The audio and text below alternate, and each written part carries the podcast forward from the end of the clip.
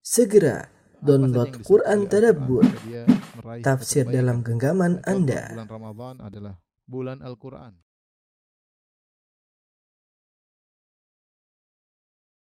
Bismillahirrahmanirrahim. Assalamualaikum warahmatullahi wabarakatuh. Alhamdulillahi ala ihsani wa syukru lahu ala taufiqihi wa amtinani. Asyhadu an la ilaha illallah wahdahu la syarika lahu ta'ziman li sya'ni wa asyhadu anna Muhammadan abduhu wa rasuluhu da'ila ridwani. Allahumma shalli alaihi wa ala alihi wa ashabi wa ikhwani. Para dokter, para guru, para profesor yang dirahmati oleh Allah Subhanahu wa taala. Kita melanjutkan pelajaran kita dari hadis-hadis Al-Arba'in An-Nawawiyah yaitu kumpulan hadis 42 hadis yang dikumpulkan, oleh Imam Nawawi rahimahullahu taala salah uh, seorang dari muhakkikil madhab Syafi'i uh, pakarnya madhab Syafi'i ya, memiliki banyak kitab-kitab terkenal di antaranya Riyadhus Shalihin di antaranya uh, Al-Arba'in Nawawiyah di antaranya Al-Majmu' Syarhul Muhadzab uh, di antaranya Adzkar ya. Beliau memiliki kitab-kitab yang terkenal yang di tersebar di kalangan kaum muslimin ya. Uh, beliau mengumpulkan 42 hadis yang alaihi alaiha madarul Islam yang di mana agama Islam berputar sekis, berkisar 42 hadis ini yang di mana siapa yang menguasai 40 hadis ini secara umum dia telah memahami Islam secara global ya secara global. Jadi kalau dikatakan bagaimana cara belajar Islam dengan singkat ya pelajari hadis-hadis Arba'in Nawawiyah. Kalau Anda menguasai hadis Arba'in Nawawiyah dengan uh, dengan baik dan benar insya Allah secara global Islam sudah Anda uh, pelajari. Tinggal Anda tambah lagi untuk lebih mendalam. Tapi secara global, poin-poin penting dalam Islam sudah dipahami melalui 42 hadis ini. Karena 40 hadis ini hadis-hadis pilihan dari ribuan atau puluhan ribu hadis dipilih oleh Imam Nawawi 42 hadis ini yang setiap hadis dikenal dengan jawami'ul kalim atau jami'ul kalim. Jawami'ul kalim maksudnya hadis-hadis yang singkat namun maknanya sangat padat dan demikianlah ciri khas hadis-hadis Nabi Shallallahu alaihi wasallam. Kalimat-kalimatnya ringkas tetapi maknanya uh, sangat mendalam dan tidak lain karena beliau adalah utusan Rabbul Alamin wa ma yantiqu anil hawa in huwa illa wahyu yuha. Beliau tidak berucap dengan hawa nafsunya tapi dari wahyu yang diwahyukan kepadanya. Pada kesempatan kali ini kita sampai pada hadis ke-27 ya. Hadis yang menjelaskan tentang uh, apa itu kebajikan dan apa itu dosa. Hadis ini pembahasannya tidak begitu panjang tapi kita akan bahas ya. Saya mau masuk pada hadis ke-20 uh, 20 uh, berikutnya 28 tapi hadis ke-28 sangat penting mengenai masalah bid'ah dan sunnah insyaallah kita tunda pada pertemuan berikutnya. Anin Nawas bin Sam'an radhiyallahu anhuma dari sahabat An Nawas bin Sam'an radhiyallahu anhuma anin Nabi sallallahu alaihi wasallam qala dari Nabi sallallahu alaihi wasallam beliau bersabda al birru husnul khuluq bahwasanya kebajikan itu adalah akhlak yang mulia. Wal ithmu mahaka fi sadrik atau mahaka fi nafsik. Adapun dosa itu adalah apa yang uh, bergejolak di hatimu, kau tidak tenang dalam hatimu. Wa karihta an yattali'a alaihi nas dan engkau tidak suka kalau orang-orang melihat atau mengetahui apa yang akan kau lakukan tersebut. Itulah dosa. Saya ulangi kata Nabi albirru husnul khuluq. Kebajikan adalah akhlak yang mulia. Adapun dosa wal ithmu mahaka fi nafsik. Dosa adalah apa yang tidak tenang dalam hatimu wa karihta an yattali alaihi dan kau tidak suka kalau ada orang yang tahu. Hadis riwayat Muslim. Hadis yang sahih. Kemudian hadis yang kedua dalam pembahasan yang sama wa an Wabisah bin Ma'bad radhiyallahu anhu dari Wabisah bin Ma'bad radhiyallahu anhu qala beliau berkata ataitu Rasulullah sallallahu alaihi wasallam aku mendatangi Rasulullah sallam faqala kemudian uh, Rasulullah sallam berkata jita tas'alu anil birri wal ithmi wahai Wabisah kau datang untuk bertanya tentang kebajikan dan tentang dosa Kultu na'am, benar wahai Rasulullah. Aku datang untuk bertanya kepada engkau tentang uh, kebajikan dan dan dosa. Qala istafti qalbak. Kata Nabi, tanyakanlah kepada hatimu, kepada kolbumu. Albirra matma'anna ilaihi nafsu. Albir, kebajikan itu adalah yang jiwamu tenang kepadanya. Matma'anna ilaihi qalbu dan kolbumu tenang. Kalau kau melakukannya kau tenang, tentram. Itu itu tanda dari kebajikan.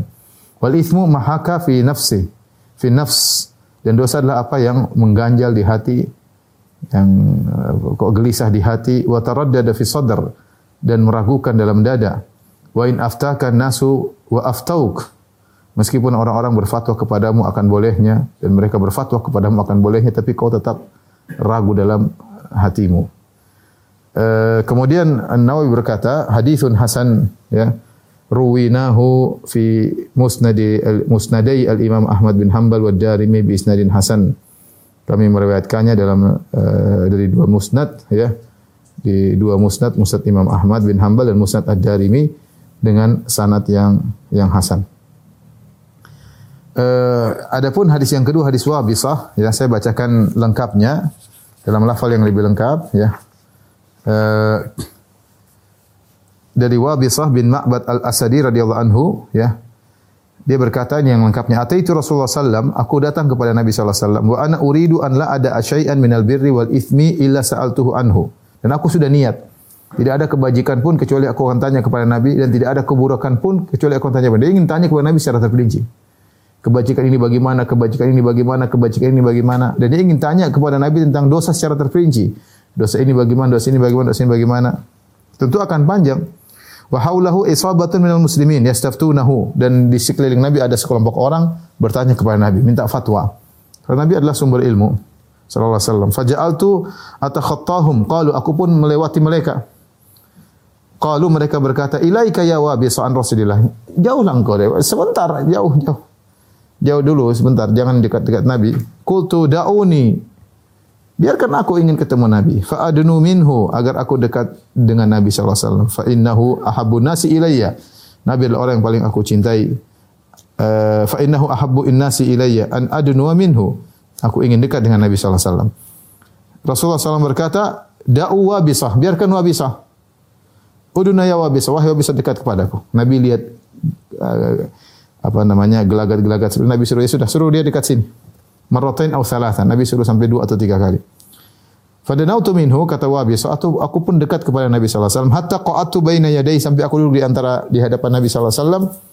Rasulullah SAW berkata, dia belum mengutarakan apa-apa. Rasulullah berkata, "Ya Wabisah, ukhbiruka au tas'aluni?" Aku kabarkan kepada engkau atau engkau yang bertanya kepadaku? Qultu la, ya Rasul tidak, bal akhbirni, kau yang kabarkan kepadaku. Kata Rasulullah SAW, Jita tas'aluni anil birri wal ithmi. Kau datang ke sini kan untuk bertanya kepada aku tentang kebajikan dan dosa. Kultu na'am. Nabi tahu apa yang dia tujuan dia. Ya. Padahal dia masih renungkan dalam hatinya. Tapi Allah beri kabar kepada Nabi Wabi. So ini datang ingin bertanya tentang kebajikan dan keburuk dengan dosa. Kultu na'am. Ya. Uh, fajama'a anamilahu faja'ala yankutubihinna fi sadri. Kemudian Rasulullah meletakkan jari-jarinya di dada Wabisah. Wa yaqul kemudian Rasulullah berkata, "Ya Wabisah, istafti qalbak." Rasulullah, wahai Wabisah, tanyakan ke kalbumu. Wastafti nafsak, tanyakanlah kepada jiwamu. Salah sami marrat. Rasulullah ngomong sampai tiga kali. Albirru kemudian Rasulullah kasih kesimpulan sallallahu alaihi wasallam, albirru matma'annat ilaihi nafsu. Namanya kebajikan itu adalah yang jiwa tenang. Wa ma'anna ilaihi qalbu dan qalbu menjadi tenang. Wal ithmu ma hakafin nafsi Wa taraddada fi sadr. Adapun dosa itu perkara yang mengganjal di hati, meragukan di dada. Wa in aftakan nasu wa aftauka. Wa aftauka meskipun orang-orang berfatwa kepadamu akan bolehnya dan mereka berfatwa kepadamu. Ini ikhwan dan akhwat para dokter yang dalam hati Allah Subhanahu wa taala kita berbicara tentang albirru wal. Ya, albir uh, kebajikan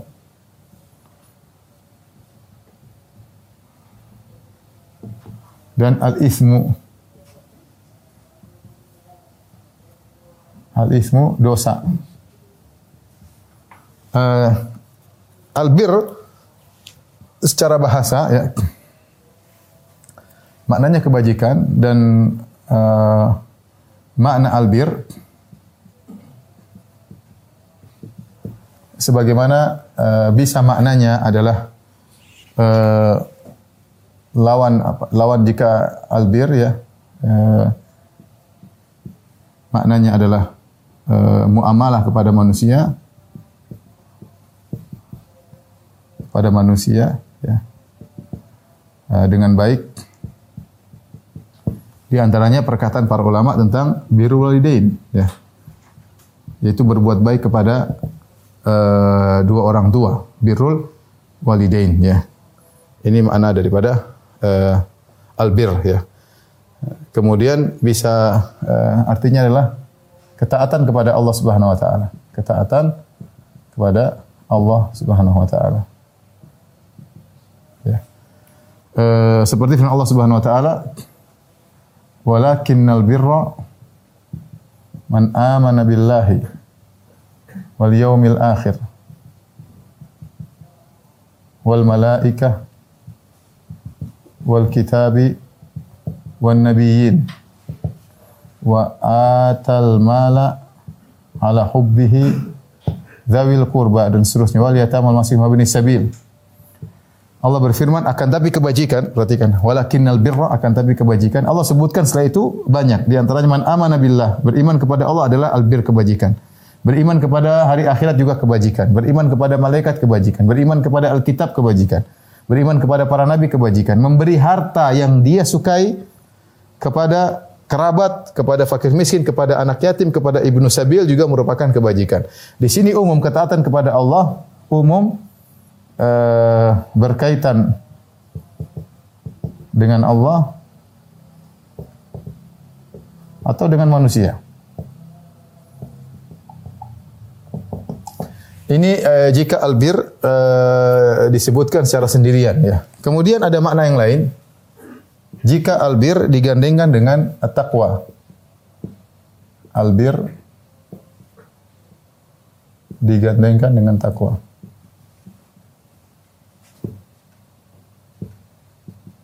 Seperti firman Allah Subhanahu wa taala, "Wa ta'awanu 'alal birri wat taqwa." Nah, ketika albir digandingkan dengan takwa, apa makna albir ketika digandingkan dengan takwa? Ini di antara uh, dua kalimat kalau disebutkan salah satu mencakup keduanya, tapi kalau disebutkan kedua-duanya maka berbeda antara satu dengan yang lainnya. Jadi itu banyak seperti Islam, iman. Kalau Islam sendiri disebutkan ya Islam ya iman, iman ya Islam. Albir kalau disebutkan sendiri mencakup takwa. Ini kan takwa sebenarnya. Ketaatan kepada Allah takwa. Tapi kalau albir digabungkan dengan takwa, maka ada perbedaan. Albir ketika digabungkan dengan takwa, albir maksudnya adalah uh, fi'lu ta'at. Menjalankan ketaatan. Menjalankan ketaatan. Adapun at-taqwa artinya meninggalkan kemungkaran, maksiat. Maksiat. Ya, itu namanya albir uh, dan takwa meninggalkan uh, maksiat. Ada juga pendapat lain yang mengatakan ini satu, yang kedua albir yaitu seperti yang disebutkan di sini ketaatan berkaitan dengan manusia. Uh, kebaikan pada manusia berbuat baik pada manusia. Adapun takwa artinya adalah uh, menjalankan ketaatan kepada Allah.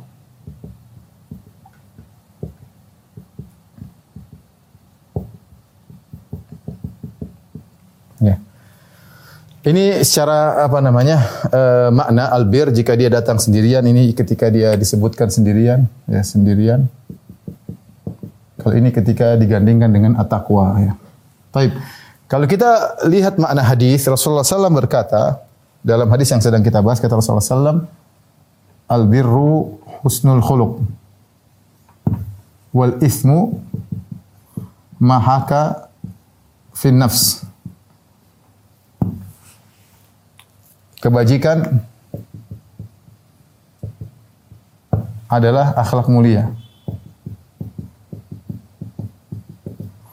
dosa adalah yang mengganjal di hati. Mengganjal di hati.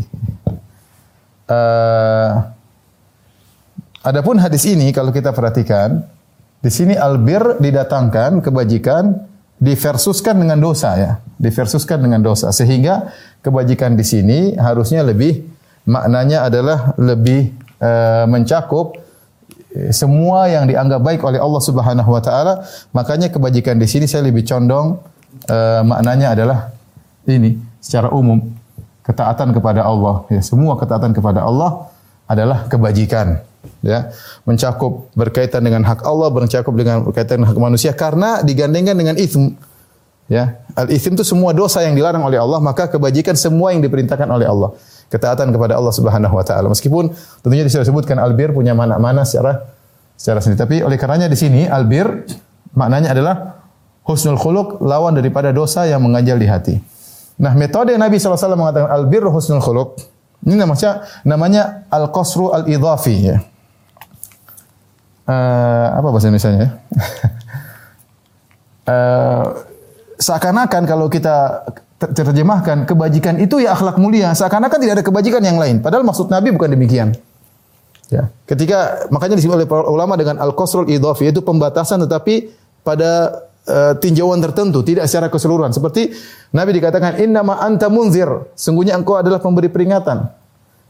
Kau hanyalah pemberi peringatan. Padahal Nabi juga pemberi kabar gembira bukan cuma pemberi peringatan. Namun dalam kondisi tertentu pemberi peringatan lebih dominan pada Nabi Shallallahu Alaihi Wasallam. Pemberi sebagai dia sebagai pemberi peringatan lebih lebih dominan.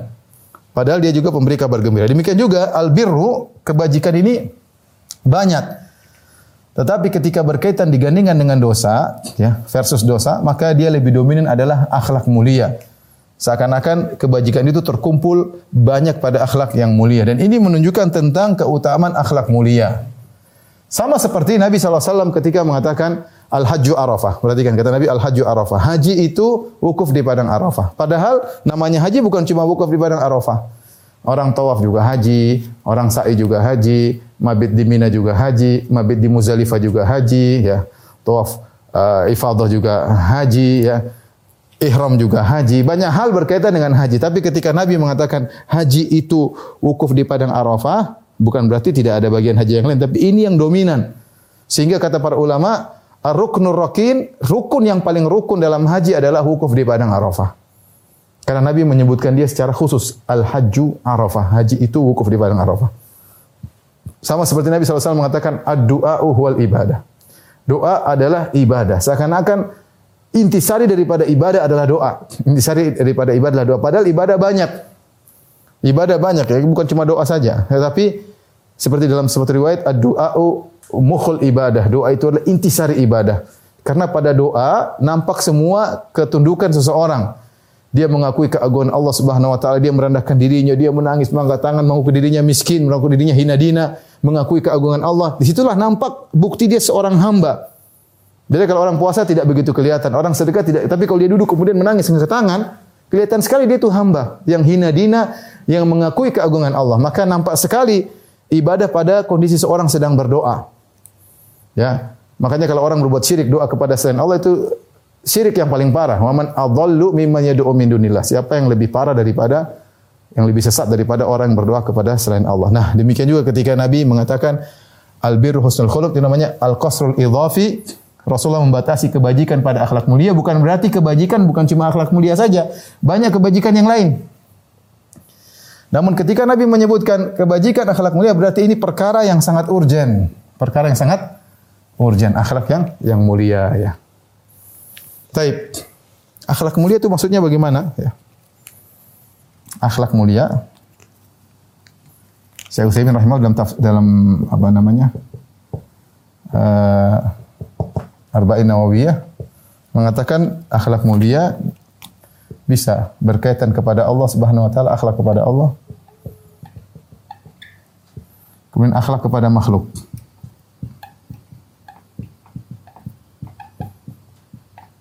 Pada manusia sama manusia. Kepada Allah, akhlak yang mulia bisa tercermin pada dua perkara kata Syekh Utsaimin rahimahullah, ya. Tercermin pada dua perkara. Pertama, mensikapi perintah Allah.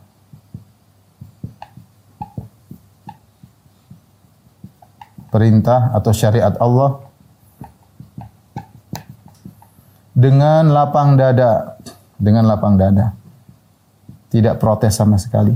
Itu namanya Anda berakhlak kepada Allah. Ya, makanya Allah mengatakan ya ayyuhalladzina amanu la tuqaddimu baina yadayillahi wa rasulih. Wahai Orang beriman janganlah kalian mendahului Allah dan Rasulnya. Misalnya mau kasih ide sama Allah, harusnya begini syariatnya. Kenapa hukumnya Allah nggak begini?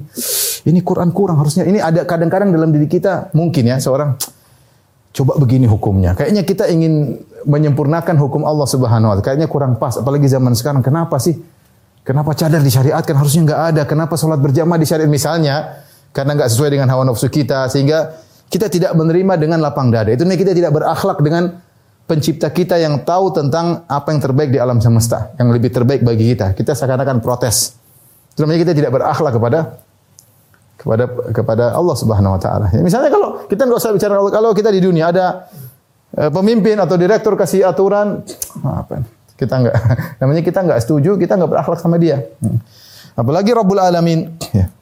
Allah berfirman, "Fala wa rabbika la yu'minuna hatta yuhaqqimuka fi ma shajara bainahum, thumma la yajidu fi anfusihim harajan mimma qadaita wa yusallimu taslima." Demi Rabbku, demi Rabbmu, fala wa rabbika. Sungguhnya mereka tidak beriman hatta yuhaqqimuka fi ma shajara bainahum, sampai mereka menjadikan engkau sebagai hakim atas pertikaian yang terjadi di antara mereka. Thumma la yajidu fi anfusihim harajan. Kemudian setelah itu mereka tidak menemukan gerundel sedikit pun dalam hati mereka. Wa yusallimu taslima. Dan mereka benar-benar terima. Kata Allah, la yu'minun tidak beriman. Kalau mereka tidak seperti ini tidak beriman. Tidak beradab kepada Allah, tidak beradab kepada Rasulullah sallallahu alaihi wasallam. Mengatakan syariat ini perlu dirubah, syariat ini perlu direvisi. Apalagi perkataan orang liberal sudah tidak relevan lagi di zaman sekarang. Dia membuat syariat sendiri yang sesuai dengan udelnya, sesuai dengan hawa nafsunya. Kita bilang, enggak, Anda tidak beradab kepada Allah Subhanahu wa taala, ya. Seakan-akan Anda menuduh Al-Quran cuma diturunkan untuk orang-orang Badui di zaman Nabi Shallallahu Alaihi Wasallam. Betapa tidak berakhlaknya Anda kepada Allah Subhanahu Wa Taala. Ya. Ini pertama. Yang kedua tercermin pada mensikapi eh, takdir yang buruk. Ini juga kita harus berakhlak dengan husnuzan kepada Allah Subhanahu wa taala, menerima bahwa yang beri keputusan Allah Subhanahu kita ada mungkin eh, tidak kuat tapi kita sabarkan diri kita. Jadi bilang kenapa Allah bikin saya begini? Kenapa ada begini? Kenapa? Kenapa? Ya, sebenarnya namanya kita tidak beradab kepada Allah Subhanahu wa taala. Anda disuruh untuk berusaha menghadapi musibah yang datang, berusaha untuk berobat kayak, berusaha untuk cari solusi kayak, tapi Anda terima itu semua keputusan Allah Subhanahu wa taala. Adapun Anda kemudian mengeluh mengatakan ini kenapa Allah begini, kenapa begitu? Ya, maka ini tidak beradab kepada Allah Subhanahu Makanya di antara dosa besar adalah niyahah, wanita yang meratap. Kenapa bentuk ratapan dia itu seakan-akan tidak terima keputusan Allah. Saya anaknya menangis, anaknya meninggal. Oh, ini dosa besar. Dosa besar. Kira seakan tidak, seakan dia mengatakan Allah kau seakan-akan dia tidak katakan langsung, tapi seakan ya Allah engkau zalim kepada saya. Kenapa anak saya kamu engkau ambil? Misalnya demikian. Meskipun dia tidak ungkapkan, tapi intinya dia tidak terima dengan keputusan Allah seakan-akan keputusan Allah tidak pada tempatnya.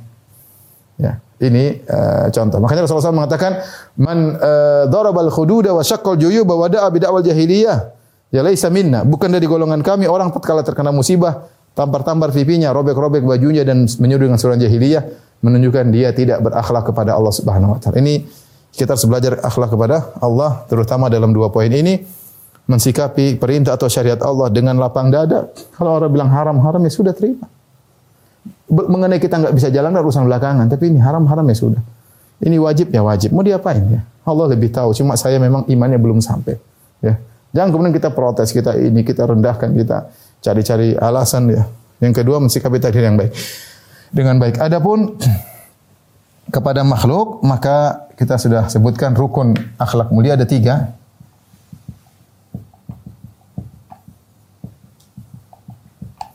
mulia ada tiga yaitu sebagaimana perkataan para ulama ya uh, badlun nada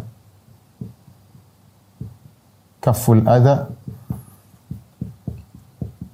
kemudian talaqatul wajah. Ini akhlak mulia. Badlun nada suka membantu. Membantu orang lain. Hatinya lapang bantu orang lain. Kaful adha tidak mengganggu orang lain.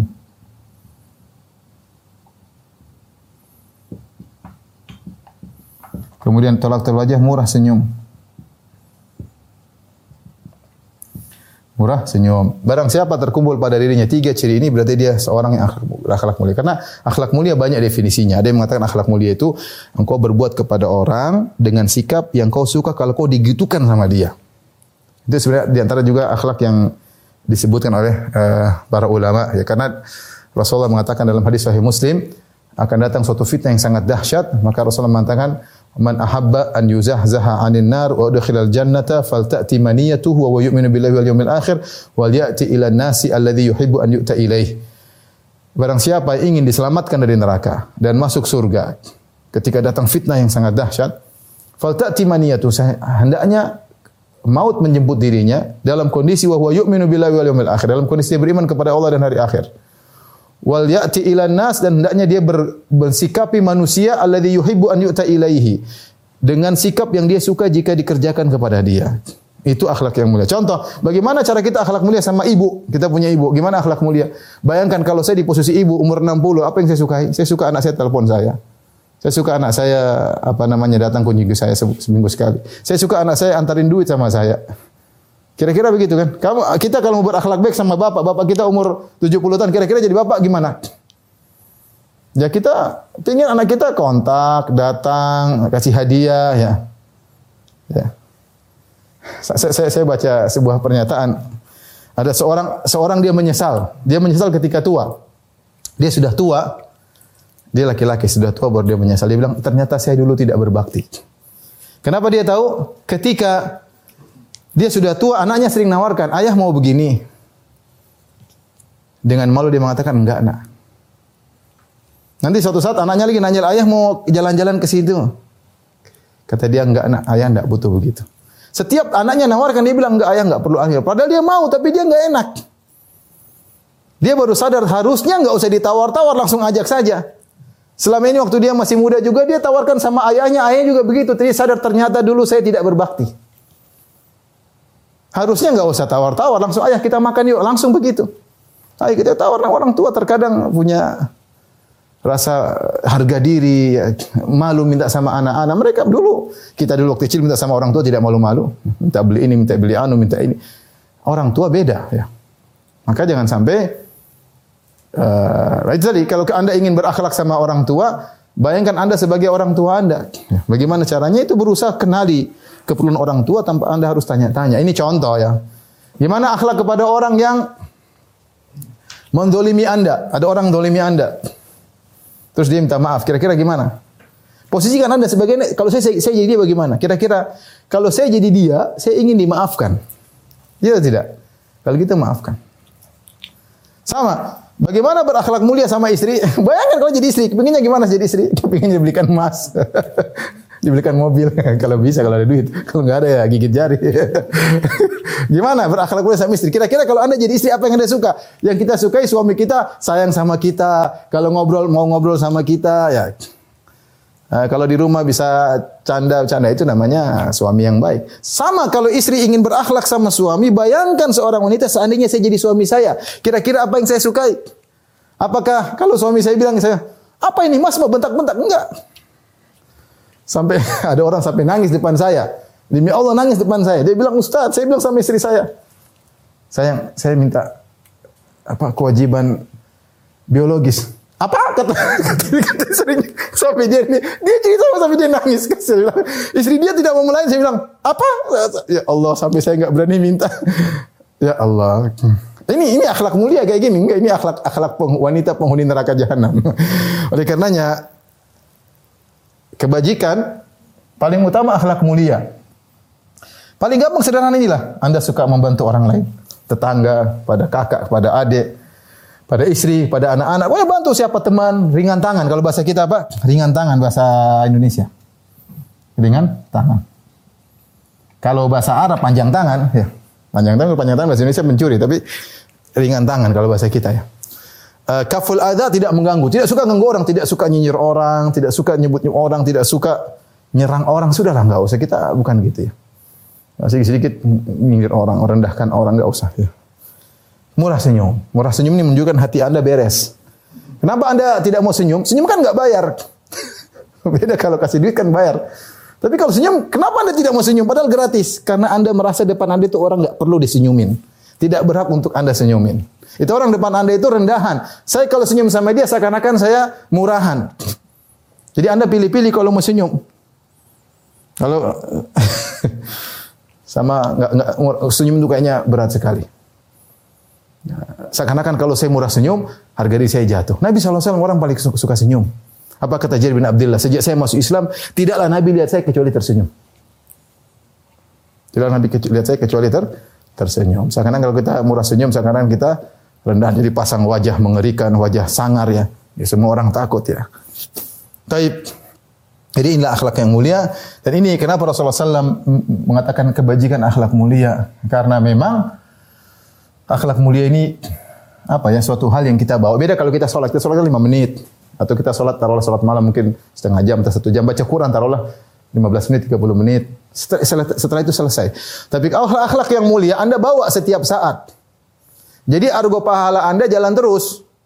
Ketemu istri, Anda berakhlak mulia, argo pahala jalan. Ketemu pembantu, akhlak mulia sama membantu, argo pahala jalan. Ketemu teman, akhlak mulia, argo pahala jalan. Ketemu dosen, akhlak mulia. Ketemu murid, akhlak mulia.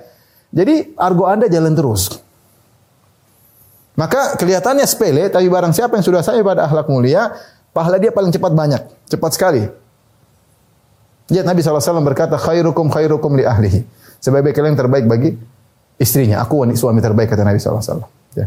Akmalul im, akmalul mu'mina imanan ahsanuhum khuluqa. Wa khiyaru, uh, khairukum khairukum li ahli. Orang iman yang orang beriman yang paling sempurna imannya, yang paling baik akhlaknya. Ini kalau kita bilang apa uh, penerapan penerapan daripada iman. Iman ya, ya akhlak mulia. Kalau anda akhlak anda imannya benar, insya Allah bantu bantu orang lain mudah, tidak ganggu orang lain mudah senyum. Tapi ingat ya, dikerjakan semuanya ikhlas karena Allah ya bukan untuk riak, bukan untuk dipuji, bukan disanjung sama murid, bukan disanjung sama dosen, enggak. Tapi karena Allah Subhanahu wa taala. Nah, ini dalam hadis Nawas bin Sam'an Rasulullah SAW mengatakan al birru husnul khuluq. Kebajikan akhlak yang uh, yang mulia ya. Kemudian dalam hadis berikutnya hadis Wabisah radhiyallahu anhu Nabi mengatakan kebajikan ya. Ini sama dengan akhlak mulia dalam hadis uh, dalam hadis Wabisah kata Nabi sallallahu alaihi matma'anna ilaihin nufus. Ya. Ma itma'anna ilaihin nafs. Yang dimaksud akhlak mulia adalah yang, yang jiwa tenang dengannya. Yang jiwa, yang akibajikan itu yang jiwa tenang. Nah kalau anda ingin tahu ini boleh atau tidak, ini halal atau tidak, hati kita tenang. Tenang melakukan, oh tenang, tenang, insya Allah ini berarti baik ya. Kenapa? Karena uh, hati kita tentram ketika kita ketika kita uh, melakukannya. Taib. Sekarang kita bicara pada perkara yang kedua, dosa. Apa itu al-ithm?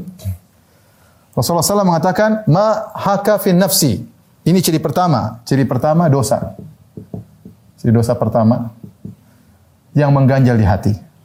Ciri yang kedua, wa karihta an yattali'a alaihin nas. Takut ketahuan orang. Kau tidak suka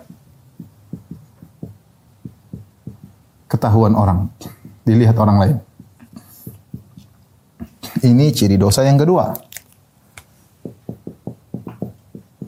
Saya kedua. Nah, uh, dalam riwayat ini kata Nabi istafti qalbak, tanyakan hatimu. Tanyakan hatimu. Dosa itu apa? Dosa itu ini.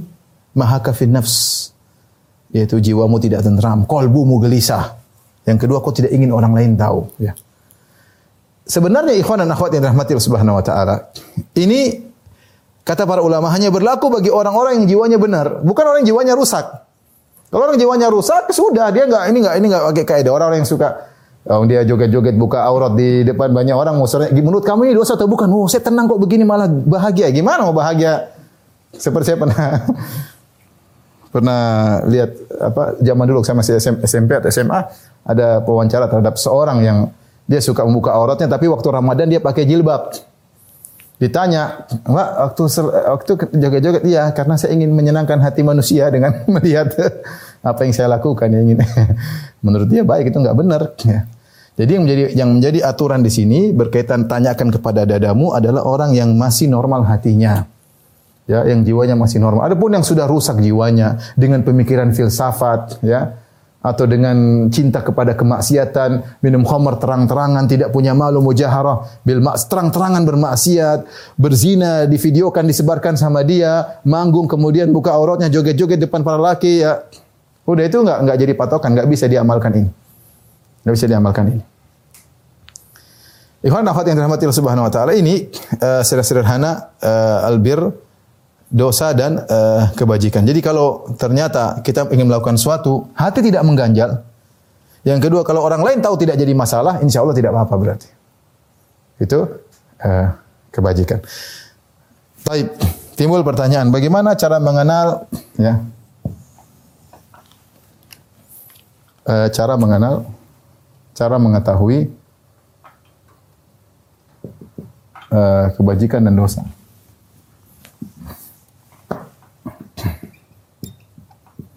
Kebajikan dan dosa. Ya. Cara pertama adalah ya, ini cara ketiga, cara terakhir. Cara pertama adalah dengan uh, melihat dalilnya. Kalau sudah ada dalil, tidak perlu tanya lagi kepada hati, nggak perlu. Sudah ada dalilnya haram ya sudah membilang saya saya janji sama hatiku. Tidak perlu. Kalau sudah ada dalilnya, tugas kita hanyalah taat.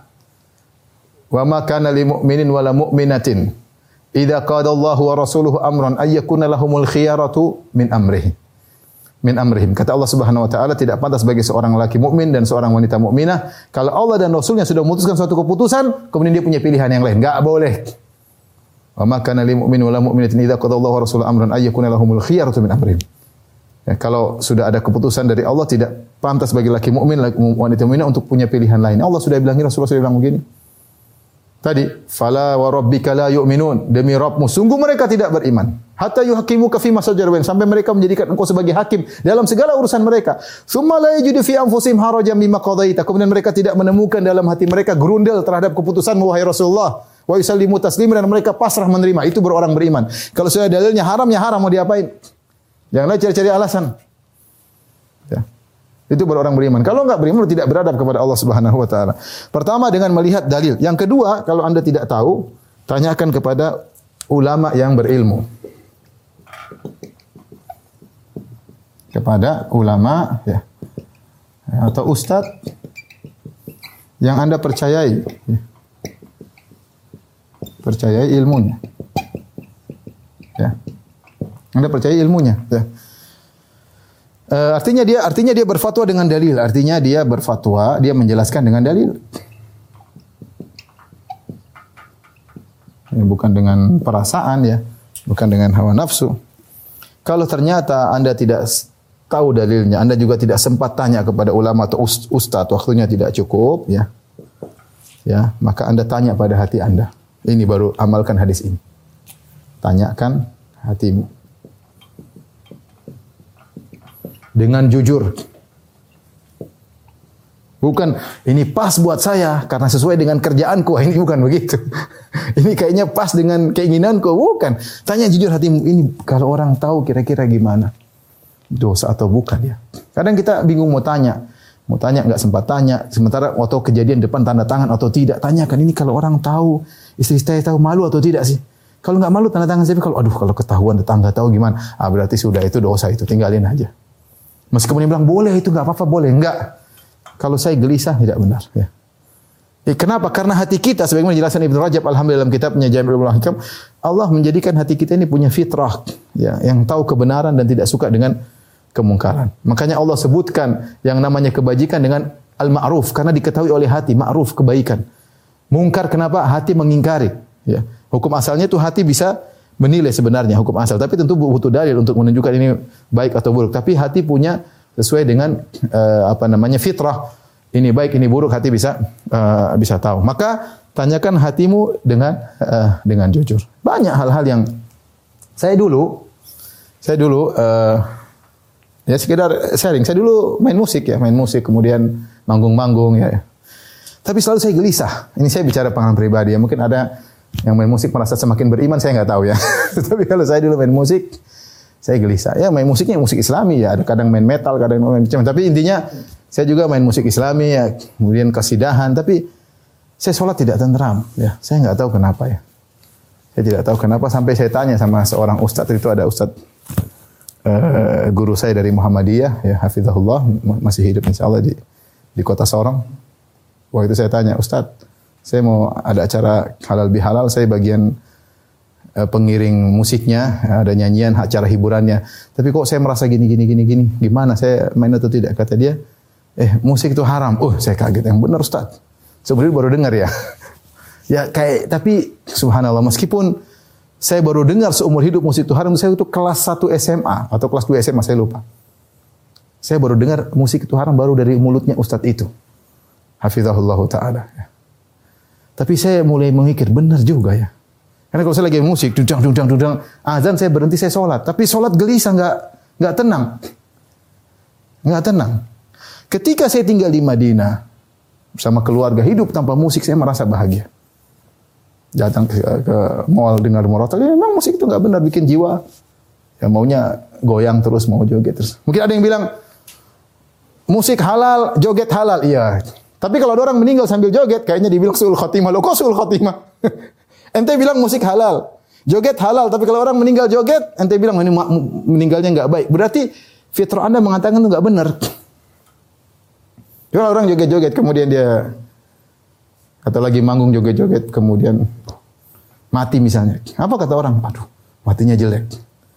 Padahal dia bilang musik halal, joget halal.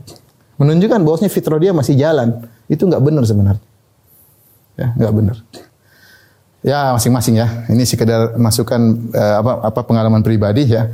Uh, saya ngomong gitu karena saya setelah itu saya temukan dalil bahwasanya ulama ijma empat madhab ijma bahwasanya musik hukumnya haram. Apalagi madhab syafi'i paling kencang. Makanya saya punya buku tentang ajaran madhab syafi'i yang ditinggalkan. Saya nukilkan situ pendapat ulama syafi'i seluruhnya mengatakan musik haram. Seluruh ulama syafi'i dalam buku-buku uh, klasik mereka semuanya mengatakan musik dan itu ijma empat madhab. Yang empat mazhab. Tanyakan dari pribadi, apakah kemudian joget-joget ya, kemudian goyang-goyang nambah iman ya, Allah alam bisawab ya. Tapi intinya ini di antara hal-hal yang dijelaskan oleh Nabi SAW bahwasanya di antara ciri-ciri uh, uh, kebajikan adalah hati kita tentram ketika melakukannya. Ya, ya dalam kerjaan kita hari-hari mungkin kita nggak nggak tanya usah tapi ada sinyal dalam diri kita ini kayaknya nggak benar ya. Makanya Allah Subhanahu Wa Taala memuji an-nafsul lawamah. Kata Allah, la uqsimu bi qiyamah. Aku bersumpah kata Allah dengan hari kiamat. Wala uqsimu bin nafsil lawamah dan aku bersumpah dengan jiwa yang suka mencela. Di antara sifat jiwa suka mencela itu kalau ada yang enggak benar sinyal dia gerak gemetar, deg-degan, ini menunjukkan ada enggak beres. Ada sinyal. Dia kasih tahu, apalagi kalau seorang sudah maksiat maka ini kenapa kamu begini? Dia ada perasa penyesal itu itu jiwa yang mencela dan itu baik. Jiwa yang baik yang ada sinyal menunjukkan itu tidak baik. Tapi kalau kita langgar, kita langgar lama-lama sudah hilang sinyal tersebut. Ya, tanda tangan ini korupsi, tanda tangan. Aduh, mana gelisah pertama? Pertama gelisah. Kedua gelisah semakin kurang. Ketiga lancar. Mana sini tanda tangan terus lancar. Sama, misalnya di ruangan mungkin sama cewek kayaknya gelisah duduk duduk duduk ya cewek duduk berdua ngobrol lama-lama santai malah ketagihan ya padahal awalnya sinyal kasih tahu ini nggak benar Jangan sampai ketahuan ini, jangan sampai ketahuan anu. Tapi ya lama-lama lewat. Sama seorang melihat sesuatu yang haram misalnya, dia pengen lihat dia tambah sih gelisah ke sini kalau ketahuan ini. Lama-lama, lama-lama rasa malunya hilang. Lama-lama rasa malunya hilang. Dan Zimin kata kata sebagian orang, kalau awal-awal kita misalnya seorang melewati jalan yang ada duri-durinya atau ada ada beling-belingnya sedikit, dia akan hati-hati jangan sampai keinjak beling. Begitu sudah keinjak darah, udah sekalian aja katanya, nggak ada masalah. Itu orang kemaksiat gitu kadang-kadang. Awalnya dia begitu sekali terjumus, setan bilang sudah sekalian aja, sama aja, ya udah sekalian.